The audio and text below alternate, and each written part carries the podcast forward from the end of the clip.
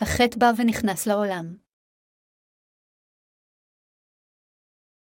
בראשית 3.21, 6, והנחש היה ערום, מכל חיית השדה, אשר עשה יהבה אלוהים, ויאמר אל האישה, אף כי הוא אמר אלוהים, לא תאכלו, מכל עץ הגען ותאמר האישה אל הנחש, מפרי עצי הגען נואכלה, ומפרי העץ אשר בתוך הגען, אמר אלוהים, לא תאכלו ממנו, ולא תיגעו בו, פן תמותון ויאמר הנחש אל האישה, לא אמות תמותון כי יודע אלוהים, כי ביום אחרכם ממנו, ונפקחו עיניכם, וי. ייתם כאלוהים, יודעי טוב ורע ותרא האישה כי טוב העץ למאכל וכי תאווה ההוא לעיניים, ונחמד העץ להסקיר, ותיקח מפיריו ותאכל, ותיתן גם לאישה עמה ויאכל. האם השטן באמת קיים? באמצעות פרק 3 בספר בראשית אלוהים אומר לנו שהשטן אכן קיים וכאשר השטן מפתה ומרמה את האדם, הוא מונע ממנו מלהאמין באלוהים וגורם לא ליפול לחטא וכך מכניס את החטא ללב האנושי. כאשר אנו קוראים את פרק 1 ו-2 של ספר בראשית, אנו רואים כיצד אלוהים ברא כל חיה למינה, אך לא נאמר שאלוהים יצר את השטן. גם לא נאמר שאלוהים יצר את המלאכים. בכל אופן, כאשר אנו פונים לפרק 3 הוא מדבר על הנחש ואנו יכולים לראות כיצד הנחש הוביל את אדם וחבבה להמרות את דבר האל ולאכול את הפרי של עץ הדעת טוב ורע. בנקודה זו אנו עתה מתוודעים אל השטן אשר עבודתו היא לעמוד כנגד האלוהים. כתוב, ויאמר אל האישה, אף כי הוא אמר אלוהים, לא תאכלו, מכל עץ הגן, לאור העובדה מה שהנחש עשה, אנו יכולים לראות כיצד השטן השתמש ביצור מסוים מתוך בריאת האל כדי למלא את רצונו. במילים אחרות, בדיוק כפי שאלוהים מפיץ את הבשורה באמצעותנו, כך עושה השטן כשהוא עומד כנגד אלוהים באמצעות כליו, באמצעות אלו אשר ברצון מצייתים לדבריו. בספר בראשית 2 ו-17 דקות, אלוהים אמר, ומעץ, הדעת טוב ורע, לא תאכל ממנו, כי, ביום אכלך ממנו מות תמות, כאשר אנו משווים את הדברים האלה למה שהשטן אמר לך בה, אנו יכולים לראות את ההונאה של השטן אשר גרם לה להמרות את הציווי האלוהי. השטן אמר לך בה, אף כי הוא אמר אלוהים, לא תאכלו, מכל עץ הגן, האם אלוהים באמת אמר זאת? כאשר יצר את כל עצי הפרי האלה בגן עדן, האם אלוהים אמר לאדם וחווה לא לאכול מהפירות של כל העצים או שמא הוא אמר להם לא לאכול רק את הפרי של עץ הדעת טוב ורע? הוא אסר עליהם לאכול את הפרי של עץ הדעת טוב ורע. בניגוד לכך, השטן אמר לחווה, אף כי הוא אמר אלוהים, לא תאכלו, מכל עץ הגן, כאן אנו יכולים לראות את ההונאה של השטן. השטן בגניבה עיוות את דבר האל כדרך להזריק את הרעל שלו לתוך האנשים. במילים אחרות, על ידי הוספת תוספת קטנה של דבר האל או על ידי החסרה מדבר האל, השטן בסופו של דבר מונע מהאנשים מלהאמין בדבר האל. לכן, אפילו עתה, השטן ממשיך לעוות ולהשתמש לרעה בדבר האל, ועם התכסיס הזה הוא ממשיך להטעות נשמות רבות מספור הנופלות בתרמית. הסתכלו על נביאי השקר בנצרות של היום. האם משרתי השטן בכל רחבי העולם משקרים ללא הרף על פי שהם טוענים שהם מאמינים באלוהים ומצטטים את דברו? כאשר הקלוויניזם דוגל בדוקטרינות כגון דוקטרינת גזירת הגורל, דוקטרינת הבחירה ודוקטרינת ההתקדשות וכך הלאה, הם מנמקים זאת על ידי ציטוט התנ"ך ולא מתעקשים על כך פשוט בצורה עיוורת. באופן כזה, השטן גם פועל עם דבר האל ומעוות את האמת על ידי הוספות או החסרות לדבר האל. אלוהים אמר לאדם וחוב לאכול בחופשיות מכל העצים בגן אך אם יוצא מן הכלל אחד, עליהם לאכול את הפרי של עץ הדעת טוב ורע. מתוך הפירות אשר אמר להם אלוהים לאכול גם פרי עץ החיים היה כלול. הוא רק אסר עליהם לעכל את הפרי של העץ הדעת טוב ורע. מדוע אלוהים אמר לאדם וחווה לא לאכול את פרי העץ הזה? הסיבה היא שאלוהים רצה שבני האדם יקבלו ויבטחו בשפיטה שלו ויחב באמונה במקום לשפוט בעצמם את הטוב והרע, כמו אלוהים בעצמו. אלוהים לא יצר את עץ הדעת טוב ורע מסיבה אחרת. הוא יצר את העץ הזה כדי שהאדם לא ירומם את עצמו גבוה יותר מאלוהים בכך יבצע חטא של יוהרה, של שפיטת האל בעצמו. זוהי הסיבה מדוע כל מי אשר הולך שולל על ידי תחבולות השטן תמיד מבצע חטא של יוהרה ועומד כנגד האל. בראשית 3.22, 3 אומר, ותאמר האישה אל הנחש, מפרי עץ הגן נואכלה, ומפרי העץ אשר בתוך הגן, אמר אלוהים, לא תאכלו ממנו, ולא תיגעו בו, פן תמותון. אנו יכולים לראות כאן כיצד חווה כבר החלה להוסיף לדבר האל ובעצמה החסירה ממנו במקום להאמין בו בדיוק כפי שהיה. בעוד אלוהים אמר, ביום החלכה ממנו מות תמות, חווה טענה שאלוהים אמר, פן תמותון, האמירה הראשונה מבהירה שהמוות יהיה בטוח בעוד האחרונה רומזת שזו אפשרות. יותר מכך, אלוהים ציין באופן ברור את העץ האסור כעץ הדעת טוב ורע. במרכז גן עדן, אך חווה תיארה זאת כעץ שבתוך הגן, מה שמראה שהיא לא האמינה בלב שלם בדבר האל. היא אמרה כך אף על פי שהיה גם עץ החיים בתוך הגן.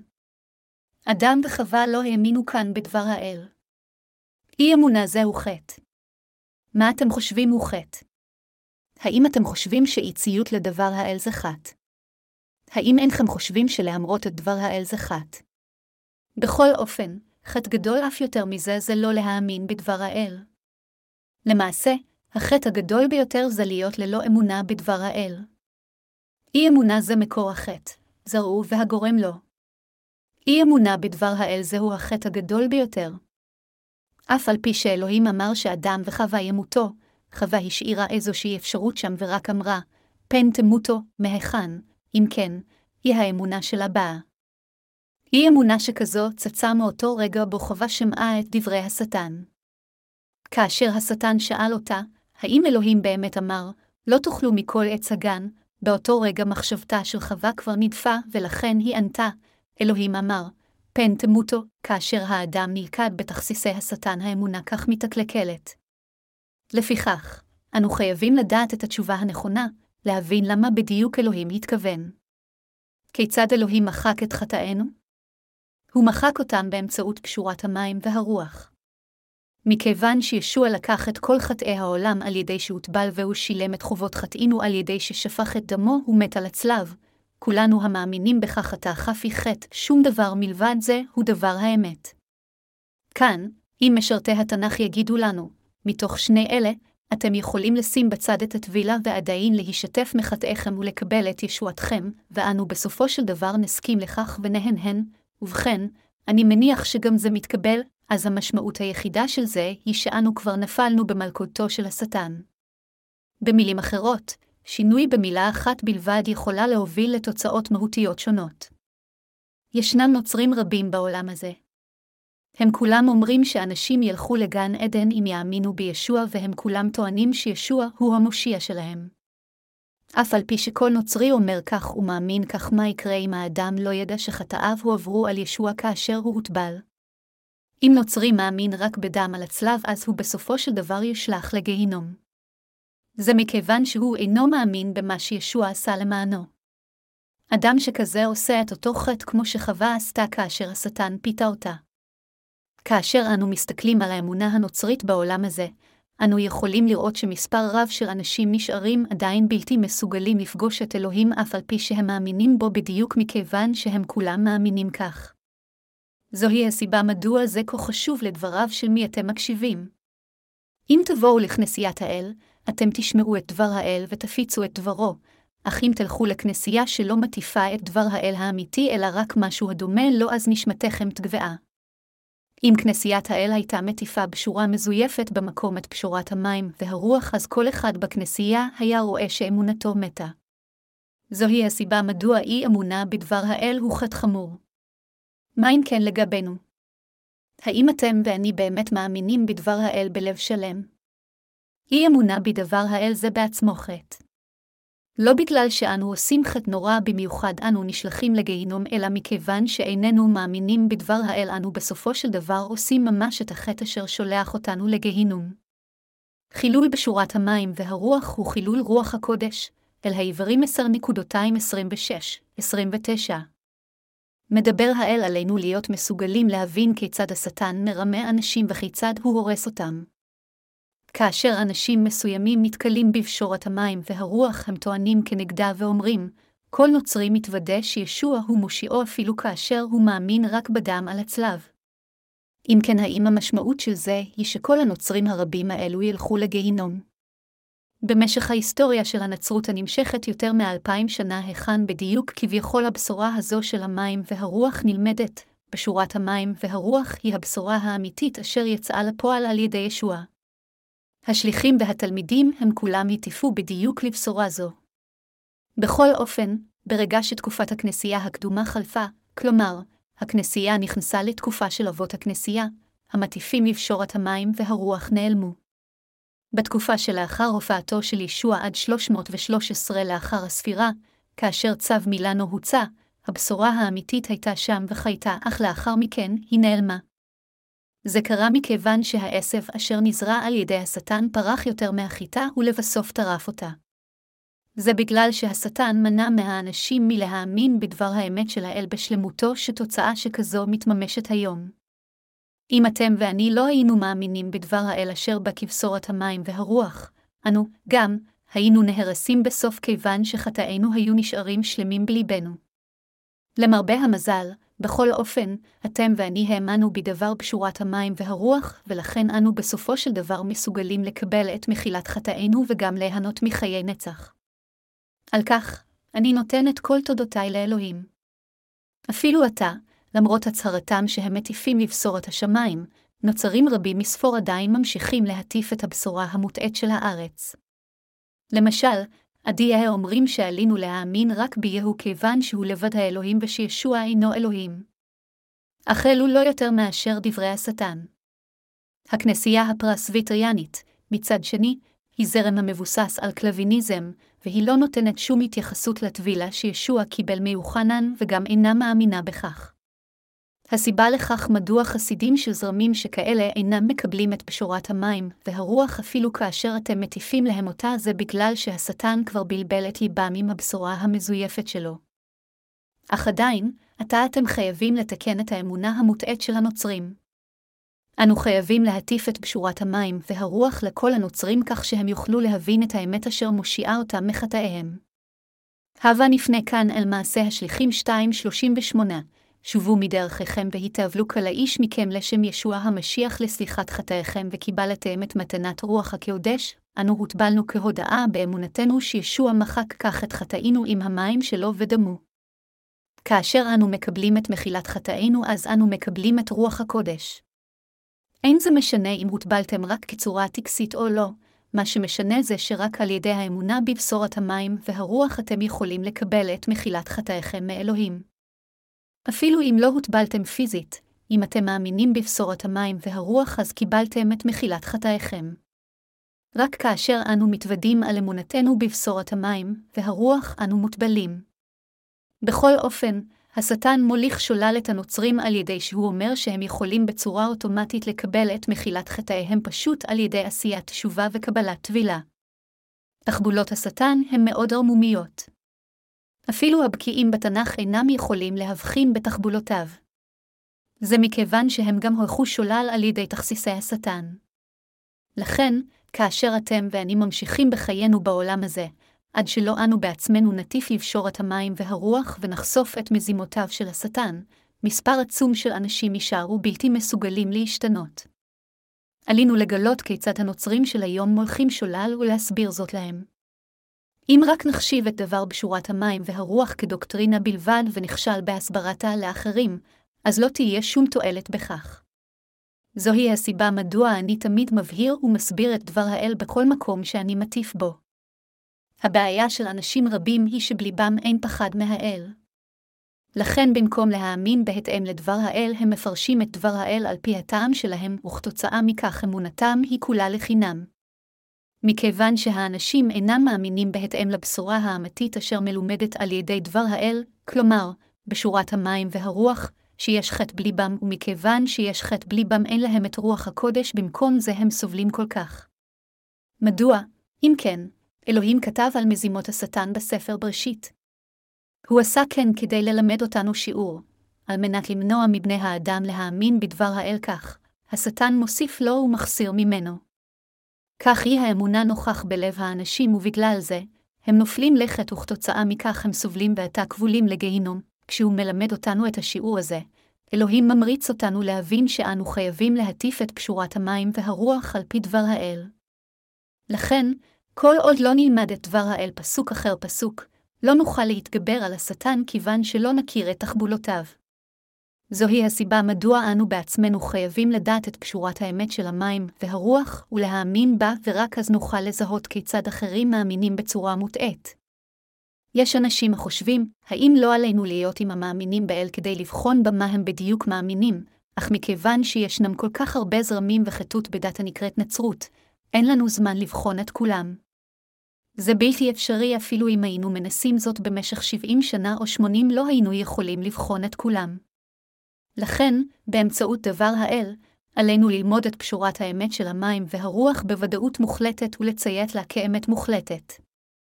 כתוב כאן, ויאמר הנחה של האישה, לא אמות תמותון, מכיוון שהאישה נכשלה להחזיק בדבר האל בצורה איתנה, האם הנחש לא הרעיל אותה ממש מיד? העובדה שחווה אמרה, פן תמותון, מראה בבירור שהיא לא האמינה בדבר האל. זוהי הסיבה מדוע הנחש מיד זרע את שקריו על אי אמונתה. הוא הוליך שולל את חווה על ידי שאמר, לא אמות תמותון, ובגלל שלחווה לא הייתה אמונה, היא בסופו של דבר נכשלה בדבריו של השטן ונפלה. כאשר אנשים מתקלים בתחבולה של התעשרות מהירה וחושבים, זה נראה לי עסק משתלם, נבלים לעתים קרובות תופסים הזדמנות זו ואומרים להם, אני ערב במאה אחוז שזה יצליח. אתה תעשה הרמת כסף עם העסק הזה, אז דאטה מוקסמת והם עושים את ההשקעה. במוקדם או מאוחר, בכל אופן, הם בסופו של דבר פושטים את הרגל. עלינו לקבל באמונה את כל מה שאלוהים אמר, את כל מאה האחוזים. באשר לשטן, כל פעם שהוא אומר לנו משהו, עלינו לסובב את זה ולראות אותו כהפוך. אם השטן אומר שאנו בטוח לא נמות, המשמעות היא שאנו בטוח נמות. כל פעם שהשטן אומר שלא יקרה, אנו חייבים לקבל זאת כאילו המשמעות היא שאכן זה יקרה. בפסוק חמש השטן ממשיך להסית את חווה ואומר, כי יודע אלוהים, כי ביום אחרכם ממנו, ונפקחו עיניכם, והייתם כאלוהים, יודעי טוב ורע, מה זה מראה? זה מראה שהשטן חושף את המניע הנסתר שלו. הזהות האמיתית של השטן כתוב בישעיהו, איך נפל תאה משמיים הלל בן שחר, נגדע תאה לארץ, חולש על גבוהים והתאה אמר תאה בלבבך השמיים אלה, ממעל לכוכבי יעל הרים כסאי, וישב בהר מועד בירכתי צפון אעלה על במותי אב. אדמה לעליון אך אל שאול תאורד אל ירכתי בורה רואיך אליך ישגיחו, אליך יתבוננו, הזה האיש מרגיז הארץ. מרעיש ממלאכותי שם תאבל כמדבר וערב הרס, אסיריו לו.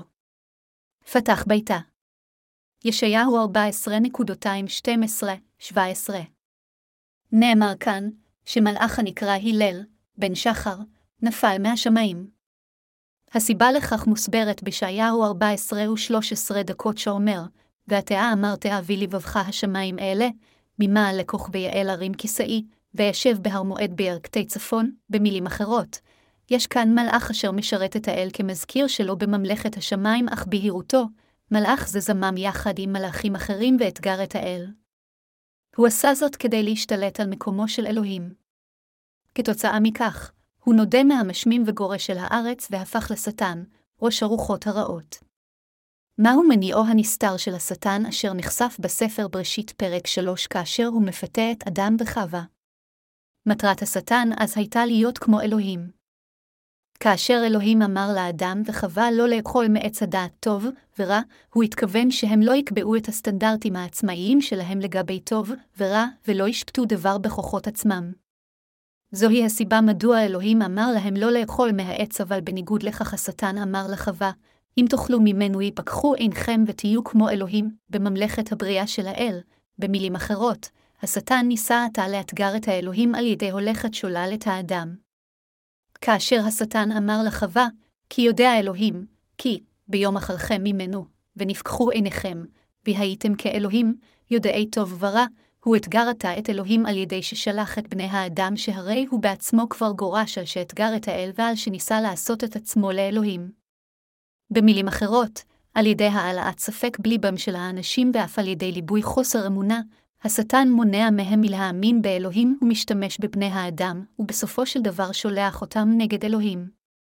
מטרת השטן זה לאתגר את האל ולעמוד כנגדו. אז מה למעשה אדם וחווה עשו בסופו של דבר? האם הם לא אכלו את פרי עץ הדעת טוב ורע? אכן, שניהם בסופו של דבר אכלו אותו. אך האם הם הפכו כמו אלוהים יודעי טוב ורע? לא. הם במקום זאת הפכו אומללים. אתם ואני כולנו צאצאי אדם וחווה אשר אכלו מעץ הדעת טוב ורע. אבותינו הקדמוניים אכלו מפרי העץ זה האם אנו באמת יודעים טוב ורע? הרחק מלדעת מהו באמת טוב ומהו באמת רע כל מה שהתפתח מכך זו הנטייה שלנו לשפוט בעצמנו. אנו עזבנו את האל ועשינו את חטא של שפיטת טוב ורע בעצמנו. זה מאוד פוגעני. טוב ורע יכול להיות מוגדר רק על ידי האל, הישות האלוהית. אך כאשר בני האדם אכלו את פרי עץ הדעת טוב, ורע הם החלו להיות עם סטנדרט עצמי משלהם לגבי טוב, ורע וכתוצאה מכך הם שופטים בעצמם אפילו את מה שאלוהים עשה ואומרים שזה נכון, וזה לא נכון ומסרבים להאמין בו. כל בני האדם סירבו להאמין בדבר האל, עמדנו כנגדו וראויים להיות משרתי השטן ולהיות מושלכים לגיהינום עם השטן. במילים אחרות, זה רק ראוי ביותר שאלה אשר נפלו בפיתויי השטן והפכו למסותיו יגורשו לגיהינום יחד עם השטן, בעוד אלה אשר הפכו לילדי האלוהים על ידי האמונה בבשורת המים והרוח, דבר האל, צריכים להיכנס לממלכתו. יש אנשים אשר יכולים למחות ולהגיד, מה לא טוב עשיתי חוץ מלא להאמין שעליי ללכת לגיהינום, בכל אופן, לא רק שהם לא מאמינים אלא הם למעשה מנסים להיות כמו אלוהים ולכן זה מהווה חטא גדול. בודהיסטים מנסים להגיע לנירוונה באמצעיות סגפנות, אך האם מישהו יכול באמת להגיע לנירוונה? הניסיון להפוך להיות כמו אלוהים זה הדבר הרע ביותר. בני האדם חייבים לפחד מאלוהים. הם חייבים לכבד את אלוהים, לאהוב אותו, להאמין בו, ללכת אחריו ולהודות שהוא לבדו הינו הקיום המוחלט. הם חייבים להבין שרק דבר האל שנאמר הוא האמת האמיתית, שהטוב אשר נקבע על ידי האל הוא הטוב האמיתי ומה שאלוהים אמר שהוא רע הוא באמת רע, והם חייבים להאמין כך בהתאם. מדוע? מכיוון שהוא האחד המוחלט, היוצר אשר יצר אותנו, הטוב הנצחי, הקדוש והאמת. אנו כולנו לקויים לגמרי. זוהי הסיבה מדוע אנו איננו יכולים לשפוט את דבר האל בהתבססות על הסטנדרט שלנו. שפיטת דבר האל בהתבססות על הסטנדרטים שלנו זו חוצפה קיצונית. כיצד החטא נכנס לעולם? באמצעות פרק 3 בספר בראשית אנו יכולים לראות שהחטא נכנס אלינו בגלל השטן. החטא נכנס לבני האדם כאשר השטן שינה את דבר האל וכך מנע מהם להבין את דבר האל באופן נכון. במילים אחרות, כאשר השטן גרם לבני האדם להאמין וללכת אחר דבר ובמקום אחר דבר האל, החטא נכנס ללב האדם. בגלל שהשטן גרם לבן האדם להיות יהיר, הוא נעמד כנגד האל. באמצעות קטע כתב הקודש של היום, אנו חייבים להבין בדיוק כיצד החטא נכנס בבני האדם. הסיבה מדוע אנשים רבים עדיין אינם יכולים להאמין באלוהים זה בגלל שהם למדו דוקטרינות מוטעות בכל הזמן הזה. אז אתם יכולים עד כמה זה חשוב להאמין באופן נכון מההתחלה. אתם יכולים להבין עד כמה זה קשה לחזור חזרה לנתיב הנכון ברגע שהאדם האמין שלא קשורה. מכיוון שבני האדם מבחינים בין טוב ורע בהתבססות על הסטנדרטים הגשמיים שלהם, הם מחשיבים את עצמם שהם טובים, אך דבר האל אומר שבני האדם הם זרע מרעים. ישעיהו 1.24 אלוהים אמר שלא משנה עד כמה האדם יעשה טוב, זה לא יותר מאשר צביעות, והוא אומר, הכל שר יחדיו נאלחו, אין עושה הטוב, אין גם אחד. אל הרומים שלוש ושתים עשרה דקות. אך עד כמה אנשים רבים אינם מסוגלים לקבל את דבר האל. אנשים מכירים שזה דבר טוב אמיתי אם מישהו תורם לבית יתומים או למוסד סיעודי או מתנדב לשרת בקהילה. אך זהו לא הטוב האמיתי בעיני האל. ברגע שהאדם אכל את פרי עץ הדעת טוב ורע, בני האדם נהיו עם סטנדרט משל עצמם לגבי טוב ורע, ולכן זה נהיה בלתי אפשרי בשבילם להכיר בדבר האל באופן שלם. במילים אחרות, הם נוכחו להחשיב את עצמם אפילו יותר צדיקים מאלוהים. לכן, עלינו לדעת שבעוד שלהביא תועלת גשמית לאחרים זה מאמץ ראוי, ראש סדר העדיפויות האמיתי זה להביא להם תועלת רוחנית על ידי הטפת בשורת המים והרוח. אנו באמת חייבים להאמין בדבר האל בדיוק כפי שהוא. קטע כתב הקודש של היום אומר לנו שבמקום להיות מוצפים ברגשותינו, ובמקום להוסיף את מחשבותינו לדבר האל או להחסיר ממנו, עלינו להאמין בדבר האל כפי שהוא. הוא אומר לנו שחטא הוא מה אם לא אי אמונה. להאמין, בניגוד לכך, זה להשביע את רצון האל. לכן אם ברצוננו להשביע את רצון האל, חייבת להיות לנו אמונה. כפי שהתנ"ך אומר, בלי אמונה איש לא היה רצוי לאלוהים, אל העברים 11.26, להאמין בדבר האל זה לרצות את האל. בעתיד הלא רחוק, אנו נראה את ביאתו של אנטיקריסטוס. אם אלוהים אמר כך, אז ללא ספק זה יגיע. אין שום אפשרות אחרת. אם אלוהים אמר שהצרות יבואו בתקופה זו, אז הם יבואו, אך אם הוא אמר אחרת, אז לא תהיה צרה. כל מה שדבר האל אמר אכן יתממש בצורה כלשהי, לחלוטין אין שום דבר אשר מתממש על פי מחשבות האדם. עלינו להבין שלא בני האדם מניעים את ההיסטוריה, אלא אלוהים מניע אותה. חווה לקחה את הפרי האסור, ואכרה אותו וגם נתנה אותו לבעלה אשר היה עמה. לכן גם הגבר וגם האישה הפכו לחוטאים. מכיוון שהשטן פעל קודם על האישה, והחטא בא באמצעותה, אלוהים נתן לה את כאבי הלידה. אחרת הגבר היה יכול היה ללדת בצורה טובה. אם אלוהים היה רוצה, הוא היה יכול לעשות זאת. אך אלוהים נתן לאישה את כאבי הלידה. כאשר אנו מסתכלים על מאורעות היסטוריים, תמיד מעורבות בהם נשים. כמובן, אין זה אומר שגברים אינם מעורבים. מישהו אמר, זה הגבר אשר שולט בעולם, אך זוהי האישה אשר שולטת בגבר, השטן כיוון קודם לאישה. המשמעות היא שכיוון שלנשים יש חולשות מסוימות, קל יותר לשטן לפעול אצלם מאשר אצל הגברים. השטן מביא פיתויים תמיד באמצעות החלשים. האם איננו רואים זאת גם מסביבנו כיצד השטן פועל באמצעות החלש? אין הכוונה כאן לחלש בגוף אלא לחלש באמונה, ללב אשר חסר לו הכוח להתגבר על תאוות האדם, ואשר מחפש אחר תאוות הבשר יותר מאשר אחר רוח הקודש. אנו צריכים להיות עם תפיסה חזקה לגבי הדרך בה השטן פועל. במילים אחרות, השטן פועל באמצעות אלו אשר אמונתם חלשה, בעוד אלוהים פועל באמצעות אלו אשר מאמינים בדברו. כאשר אנו נאחז בדבר האל ונבטח בו, כל המחשבות השטותיות ייעלמו. אף על פי שמחשבות האדם עדיין יעלו, אם נאמין בדבר האל, המחשבות המזוהמות שלנו ייעלמו. פתבים יכולים להופיע בדרכנו מפעם לפעם, אך אם נאמין בדבר העיל ונחזיק בו, אז תאוותנו ייעלמו ויתנקו. זוהי הסיבה מדוע כה הכרחי להאמין בדבר האל ולהטיף על פי דבר האל הזה. אנו חייבים לנהוג על פי דבר האל. זוהי הסיבה מדוע כאשר משרתי האל מטיפים, הם לעולם אינם מתחשבים בדרשות של אלו אשר אפילו לא נולדו מחדש וגם לעולם אינם משאילים דעות או מחשבות מפילוסופים. האם זה לא מסקרן קצת? כאשר מסתכלים בהתבססות על סטנדרט גשמי של בני האדם, זה נראה שמישהו שמתכוון לדרוש דרשה צריך להגיד משהו מלומד כדי שיהיה נראה מהימן ואמין, אבל משרתיו של האל יודעים כולם היטב שלאמונה המושאלת ממישהו אחר, לא אמונה שלהם, לחלוטין אין שום אפקט. בעולם של האל, דבר המבוסס על ידע האמונה, פילוסופי או לוגי הוא במיוחד מגוחך. כל מי שמדבר בהתבססות על דברי העולם אינו מאמין בדבר האל, אלא הוא רק מדבר על הידע של עצמו. הכמרים בעולם הזה לעתים קרובות מעלים אוסף מגוון של מידע. אך האם ידע אנושי שווה כמו אמונה? אלה אשר הולכים אחר הידע האנושי אינם בוטחים בדבר האל, וזוהי הסיבה מדוע הם בסופו של דבר הופכים למשרתי השטן. בניגוד לכך, אלה המאמינים בדבר האל פותחים את התנ"ך ומטיפים את דבר האל הזה באמונה.